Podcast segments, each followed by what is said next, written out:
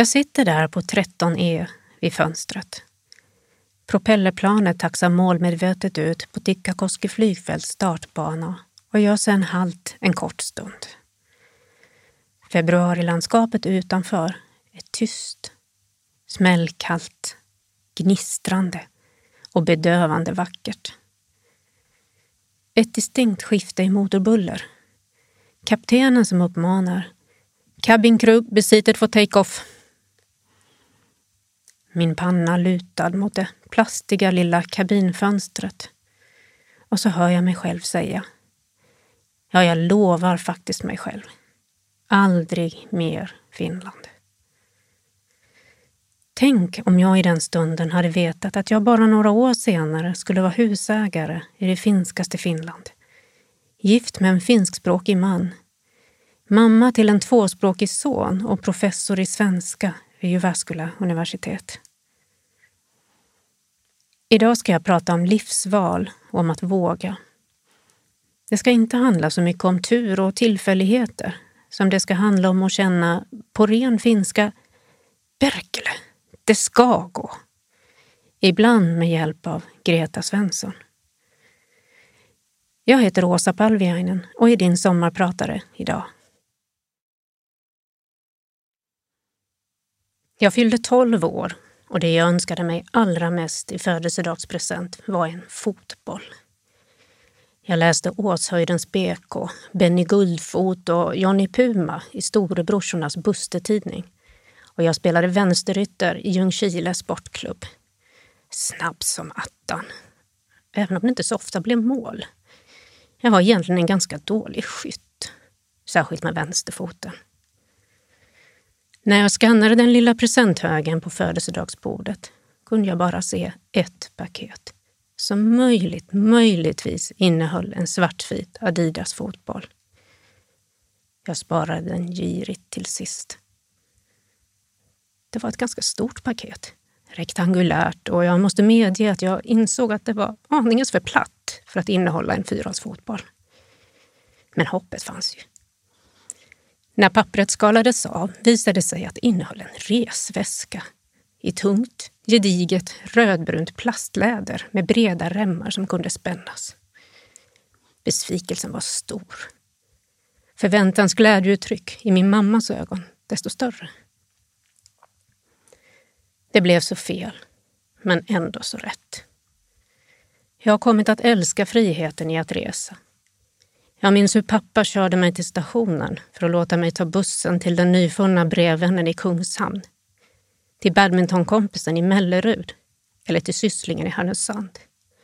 Och jag minns hur han, eller om det var mamma, lämnade av mig vid tåget i samhället där vi bodde för att låta mig och den nya plastläderresväskan resa till kusinerna i Skåne via centralstationen i Göteborg.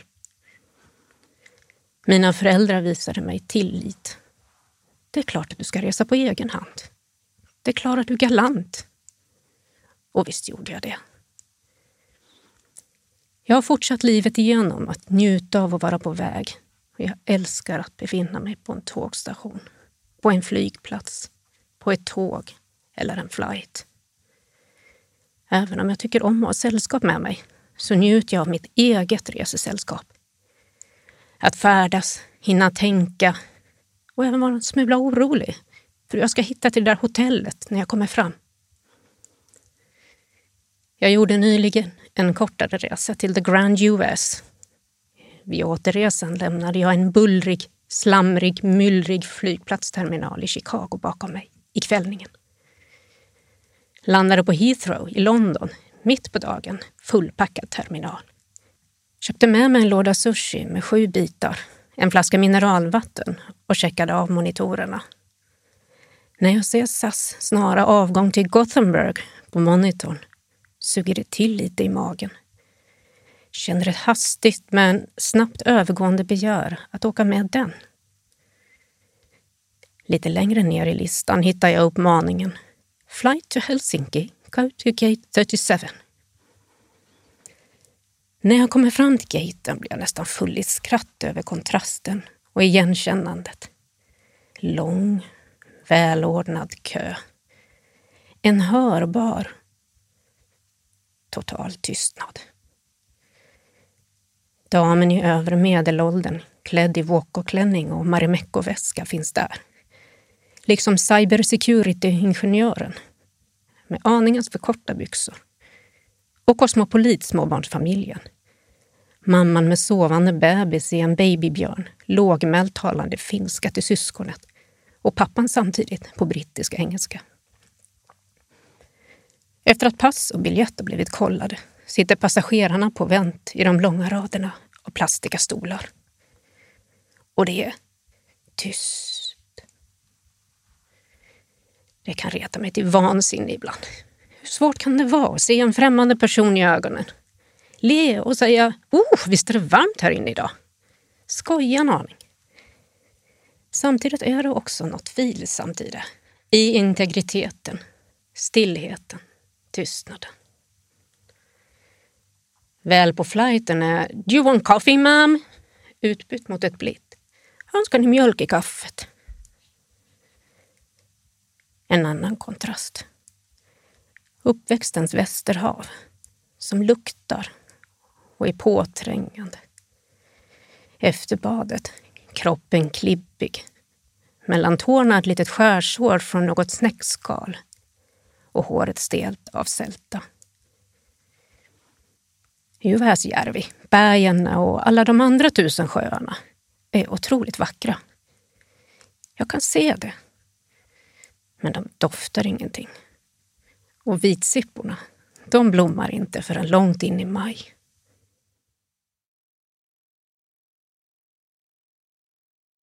Så stod han där i sin finska självklarhet och propsade på uppmärksamhet i min välordnade tillvaro.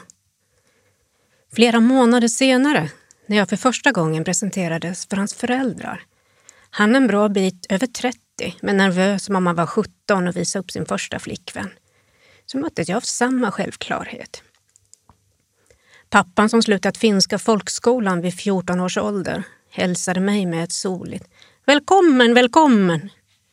och berättade glädjestrålande på finska om sina sommarmånader som krigsbarn i Östhammar 1944. Jag förstod inte ett ord, men kände ändå allt. Jo, det var ju så. Trots det högtidliga löftet till mig själv där i planet i Tikkakoski att jag kom tillbaka när det hunnit bli maj med knoppande vitsippor och allt. Sjön doftade förvisso inte, men var vansinnigt vacker. Det var en arbetsresa, men där stod han. Så olik allt annat jag mött. På många sätt så olik mig. Men samtidigt en människa, fylld av liv, potens och sårbarhet. Jag åkte tillbaka till Göteborg igen med en känsla av att något förändrats och också måste förändras. Jag skulle precis till att fylla 30. Jag hade studerat färdigt.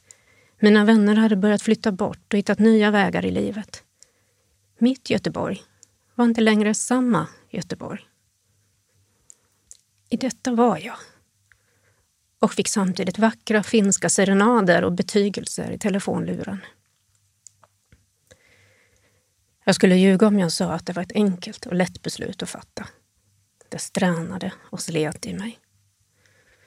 Men till sist så sa jag till mig själv, det får bära eller brista. Nu gör jag det. Jag tackade ja till arbetserbjudandet jag fått vid det finska universitetet. Jag hyrde ut min Göteborgslägenhet i andra hand och flög till Jyväskylä för att bli sambo i en tvåa på Kaupakatu 16. Det hade hunnit bli maj igen, så där stod vitsipporna öppna i backen på nytt. Samma sommar lånade vi en pickup och körde nonstop, tur och retur. Jyväskylä, Åbo, Kappelskär, Göteborg och hämtade med oss nästan alla mina möbler. Det gick på ett dygn. Det var viktigt för mig att få ha mina möbler och mina minnen omkring mig. Vi gjorde massor med roliga saker den där sommaren. Han var påhittig och mån om mig. Ville visa mig allt och sitt Finland. Jag introducerades till all släkt och till alla vänner. När jag nu ser på foton från den tiden så ser jag hur glad jag ser ut och hur mycket jag skrattar. Samtidigt så når leendet inte riktigt ögonen. Att bryta upp från det kända, lämna det egna sociala nätverket och försöka bygga upp ett nytt, det är tungt. Väldigt tungt. Att hitta sin plats och sig är alltid nya, så långt ifrån det välkända. Lära känna en ny människa och nya sammanhang. Och så var det språket. Finskan som kändes ogenomtränglig. Jag hade en helig stund under den här tiden. På måndagkvällar klockan 22.00 visades danska mordkommissionen på analoga FST som då hade ett insprängt block i tv-tablån på måndagar och tisdagar. Det var textat på svenska. Då fick ingen och inget störa mig och de jylländska mordutredarna. Minns sedan ögonblicket med skärpa. Satt där på jobbet, ensam vid datorn. Luften mättad av soldamm. Det var alldeles stilla omkring mig och då, plötsligt, kom känslorna ikapp. Jag övermannades av insikt. Insikt om det väldiga livsbeslut jag fattat och om omöjligheten i att vrida klockan tillbaka. Vad har jag gjort? Jag började hyperventilera på ett sätt jag aldrig tidigare gjort och förhoppningsvis aldrig mera kommer att behöva uppleva. Jag kröp ihop i fosterställning i min mormor Greta Svenssons bruna sammetsfåtölj som följt med mig från Sverige till mitt arbetsrum i Finland och tog emot ångesten. När Jag växte upp med två storebröder, pappa folkhögskoleläraren och rektorn och mamma konstnären. Pappa analytisk, rationell, pedagogisk. Kanske en smula pessimistisk ibland. Mamma kreativ, spontan. Kanske en smula överoptimistisk ibland. Jag själv en blandning av det. Men pessimist, det har jag aldrig varit. Inte ens en gnutta. Det är därför jag har svårt att förlika mig med uttryck som pessimisti ei petu, det vill säga en pessimist blir aldrig besviken. Min finske man kallar det att vara realist. Men fy vad tråkigt att gå omkring och kalkylera, att inte hoppas för mycket, eftersom man då riskerar att bli besviken. Och så energikrävande måste det vara att redan på förhand bestämma sig för att det inte kommer att gå. För det är klart att det kommer att gå. Det måste gå. Det löser sig alltid, på ett eller annat sätt. Även ibland på ett oväntat sådant. Om det betyder att man någon gång måste bli besviken, ja, det må vara hänt. Målmedvetenheten jag har har jag inte ärvt av någon. Det är min alldeles egna egenskap. Till stora delar tror jag att den förklaras med den hörselskada jag fötts med. Det upptäcktes inte förrän på barnavårdens fyraårskontroll då jag fick lägga träskivor i glada färger på en pinne varje gång jag hörde ett pip i de stora hörlurarna. Den mänskliga hörseln är komplex och det är nära på omöjligt att förklara hur jag hör. Och jag vet ju ärligt talat inte om något annat. Men grovt förenklat kan man säga att närmare hälften av allt tal, musik och omgivande ljud faller bort. Det gör förstås att du måste anstränga dig för att hänga med, för att ta dig fram. Du ställer dig längst fram så du hör. Du sjunger högst för att urskilja din egen stämma. Min pappa har beskrivit beskedet som chockartat. Mamma, som på föräldrars gehör tidigt hade lagt märke till att det var något som inte stämde, blev mindre överraskad. Hon fick istället en förklaring till varför hennes överlag glada och pigga tjej ibland kunde bli så förtvivlat uppriven och galet trött. Tjejen, det vill säga jag, hörde helt enkelt inte. Både mamma och pappa upplevde stor sorg. Hörselkonsulenten betonade hur viktigt det var att alltid ha ögonkontakt. Och jag fick hörapparater som skavde lite på öronen. När synen är det sinne du framförallt förlitar dig på så ser du så mycket mer. Du lär dig avläsa människor, att avkoda information. Du blir expert på att lägga ihop ett plus ett. Du försöker göra det mesta möjliga av det du kan ta in. Du känner dig tjatig när du måste säga va och ta om och om igen. Och du märker att den du talar med blir irriterad. Så nästa gång låter du bli att fråga. Istället gissar du, skådespelar. Det blir ganska ofta fel och du blir trött. Det är därför jag finner tystnaden och ensamheten så vilsam. I det skrivna språket där är risken för missförstånd minimal. Jag har alltid älskat att läsa, skriva. I skriftens rike regerar jag och kan slappna av. Och det var författare jag ville bli. Jag fyllde skrivhäfte efter skrivhäfte i skolan med de mest fantastiska berättelser. Jag trivdes också mycket bra i skolböckernas värld. Förstod koden snabbt. Det var ändå först när jag flyttade till Göteborg och började plugga på universitetet i början av 90-talet som bitarna föll på plats. Och jag hittade min plats. Jag njöt så otroligt av den akademiska miljön. Och när jag så småningom förstod att man kunde vara forskare till yrket så var det bara så rätt. Tänk att få betalt för att vara nyfiken, skriva, diskutera, analysera, förmedla. Strax efter millennieskiftet blev jag filosofie doktor i allmän språkvetenskap. Efter detta hörde en professor från Finland av sig och undrade Skulle inte du kunna? Den tanken hade jag aldrig tänkt förut. Att man kunde åka österut. Men varför inte? Jag tillbringade sedan ett halvår på stipendium beviljat av rektor Sallinen vid Jyväskylä universitet och det var lärorikt.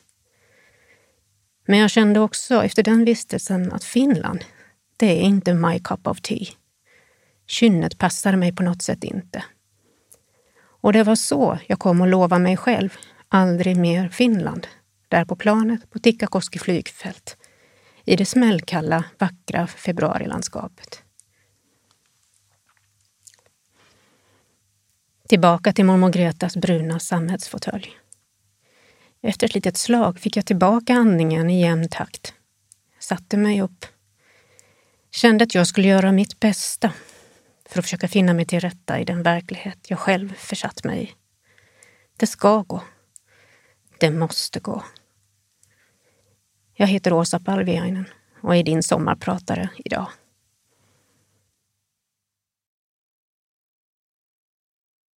Du, jag skulle vilja ha barn, sa jag där vi satt i mormor Greta Svenssons mossgröna soffa i tvåan på Kaupakato. Då får vi gifta oss först, sa han. Hur vågade jag, har jag i eftertankens kranka blekhet tänkt. Jag gifte mig med någon jag knappt hunnit lära känna. Och vi hade ett storartat bröllop på två språk och med fest på Löva dansbana. Samma dansbana som mina nyblivna svärföräldrar svärmat vid under tidigt 60-tal. Jag kände iver att bli mamma. Men det tog nästan tre år innan han faktiskt kom. Som för att väga upp brådskan. Å andra sidan gick det sen snabbt. Redan i vecka 33 sparkade han sig ut, bokstavligen, genom att distinkt kicka hål på fosterhinnan så att vattnet gick. Han har en jäkligt vass vänsterfot, som för att kompensera för min svagare. Så började bostadsrätten kännas lite för trång för vår trepersonsfamilj och vi gick på bostadsvisningar. Vi sökte ett mindre hus utan renoveringsbehov. Så fick vi tips av bekantas bekanta att det fanns ett frontmannahus från slutet av 40-talet till salu på en av de gator staden och staten planerat för efterkrigsfamiljer i ett idylliskt bostadsområde mitt i stan. Mommo i huset var 90 år hade överlevt sin man med nära 40. Hon bodde nu sedan en kort tid tillbaka på ett servicehem. Huset var stort, hade charm, var förhållandevis välskött. Men hade överhuvudtaget inte renoverats sedan det byggdes. Luktade damm och förgången tid. I husets källare hade en gång legat ett hembageri och nästan alla inventarierna var bevarade som om tiden hade stått still sedan början av 70-talet. Barnbarnet som visade oss runt visade sig ha gått i parallellklass i skolan med min man. De hade visst sportat tillsammans också. När han hörde att jag var från Sverige berättade han att självaste salig bagaren varit bördig från Borgå och finlandssvensk. Den stolta finska bagarhustrun, tillika husmodern, hade dock aldrig tillåtit honom att tala svenska. När vi gick upp på övervåningen in i det lilla rum som sen har kommit att bli mitt arbetsrum och såg utsikten, trädgården med sina äppelträd, då var det bara vårt. Men vi skulle köpa ett nytt hus utan behov av renovering. Så ramlade detta stora gamla hus i akut behov av renovering i famnen på oss. Då steg min mormor in på scenen igen på ett helt osannolikt sätt och vinkade från molnkanten. Hon var på sin tid en professionell hemmakock, receptmakare och skrev regelbundet kolumner i ett par av de största veckotidningarna i Sverige. Och här på vinden, i det finska gamla frontmannahuset på Kotikatu, fanns en låda med sparade Allers veckotidning. Jag öppnar ett augustinummer från 1977 och på sidan 69 ler Greta Svensson mot mig, hållandes en korg med äpplen. Och hon utlovar äppelfest. Sen följer tre sidor med hennes utsökta recept. De flesta innehållande ingresser som varje honungsdroppe är ett destillat av solsken och ljuvlig blomdoft.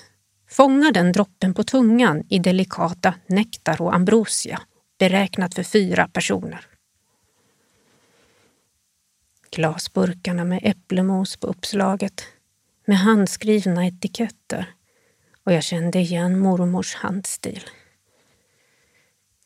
Så vi tog ett djupt andetag samt ett ödmjukt banklån och kavlade så småningom upp renoveringsärmarna. När vi rev innerväggarna var de isolerade med Hovostadsbladet anno 1946 och karmarna var stoppade med brunbeiga nylonstrumpor.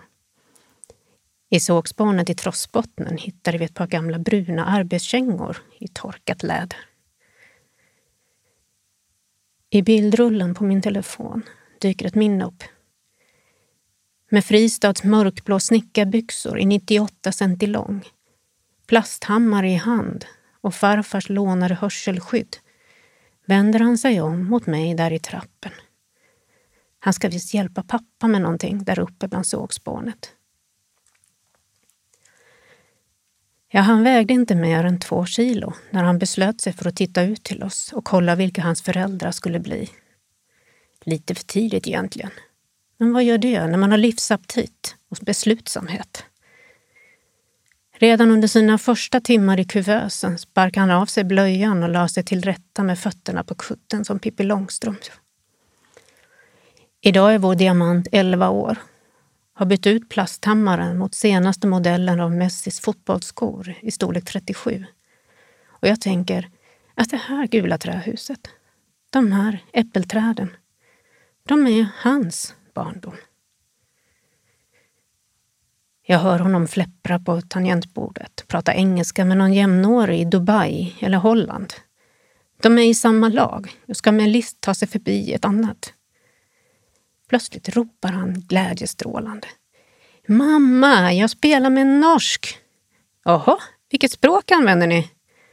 Uh, först pratade vi engelska, men när jag förstod att han var från Norge då började jag prata svenska. Men sen kom det en kille från England i samma lag, så då fick vi börja prata engelska igen. Ja, jag må vara filosofiedoktor i språk och till och med professor. Jag har läst enormt mycket facklitteratur, undervisat, föreläst. Men det finns ingen som har lärt mig så mycket om språk som han har gjort.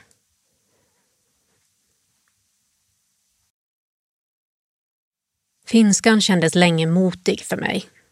Det dröjde egentligen tills jag var mammaledig innan jag lyckades ta mig över den första tröskeln. Mina finska svärföräldrar bodde en 25 minuters promenad med barnvagnen bort och jag tillbringade mycket av tiden hos dem på ett ganska otvunget sätt via samtalen kring hur sonen sovit och när han bör äta nästa gång. Så smög sig vardagsfinskan på.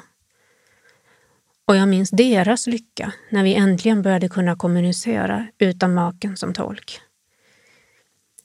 När min man och jag i tiderna träffades och lärde känna varandra gjorde vi det på engelska.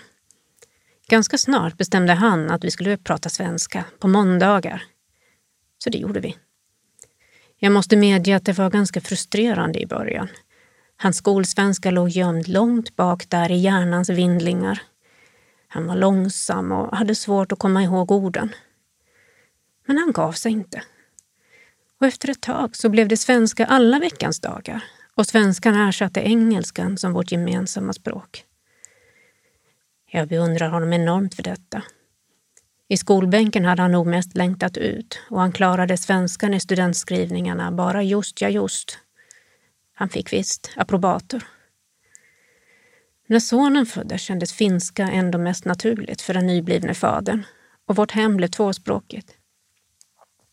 Efter några år kom engelskan in i vår familj igen. Inte som minsta gemensamma nämnare denna gång, utan på grund av sonens obändiga nyfikenhet, lust att lära och kommunicera. Så idag flödar alla tre språken omkring i en rätt självklar och härlig symfoni hemma hos oss. Jag unnar sonen att ibland få fnissa lite förtjust åt mina finska ordval. Och tillsammans ler vi när maken uppmanar oss att stänga av dörren och ber oss att öka veder till bastun. När folk får höra att jag kommer från Sverige uttrycks ofta en finsk lite förlägen blygsel. Vet att jag borde kunna, jag har ju läst svenska i skolan, men här i Jyväskylä behöver man aldrig använda svenska. Men också lyckan när de märker att de kan ju mer än de trodde och de förstår rätt bra vad jag säger. Inte sällan visar det sig att man har en släkting som bor i Västerås eller Södertälje. Föräldrarna till sonens kompisar vill gärna ha barnen hos oss så att de får höra språket. Jag kan inte undgå att märka att med Sverige kommer en viss status. Vissa domäner är helt finska, som till exempel all ruljans kring fotbollen. I inlevelsens iver vid sidan av planen kommer mina spontana utrop ändå ofta på svenska. Det sitter så djupt.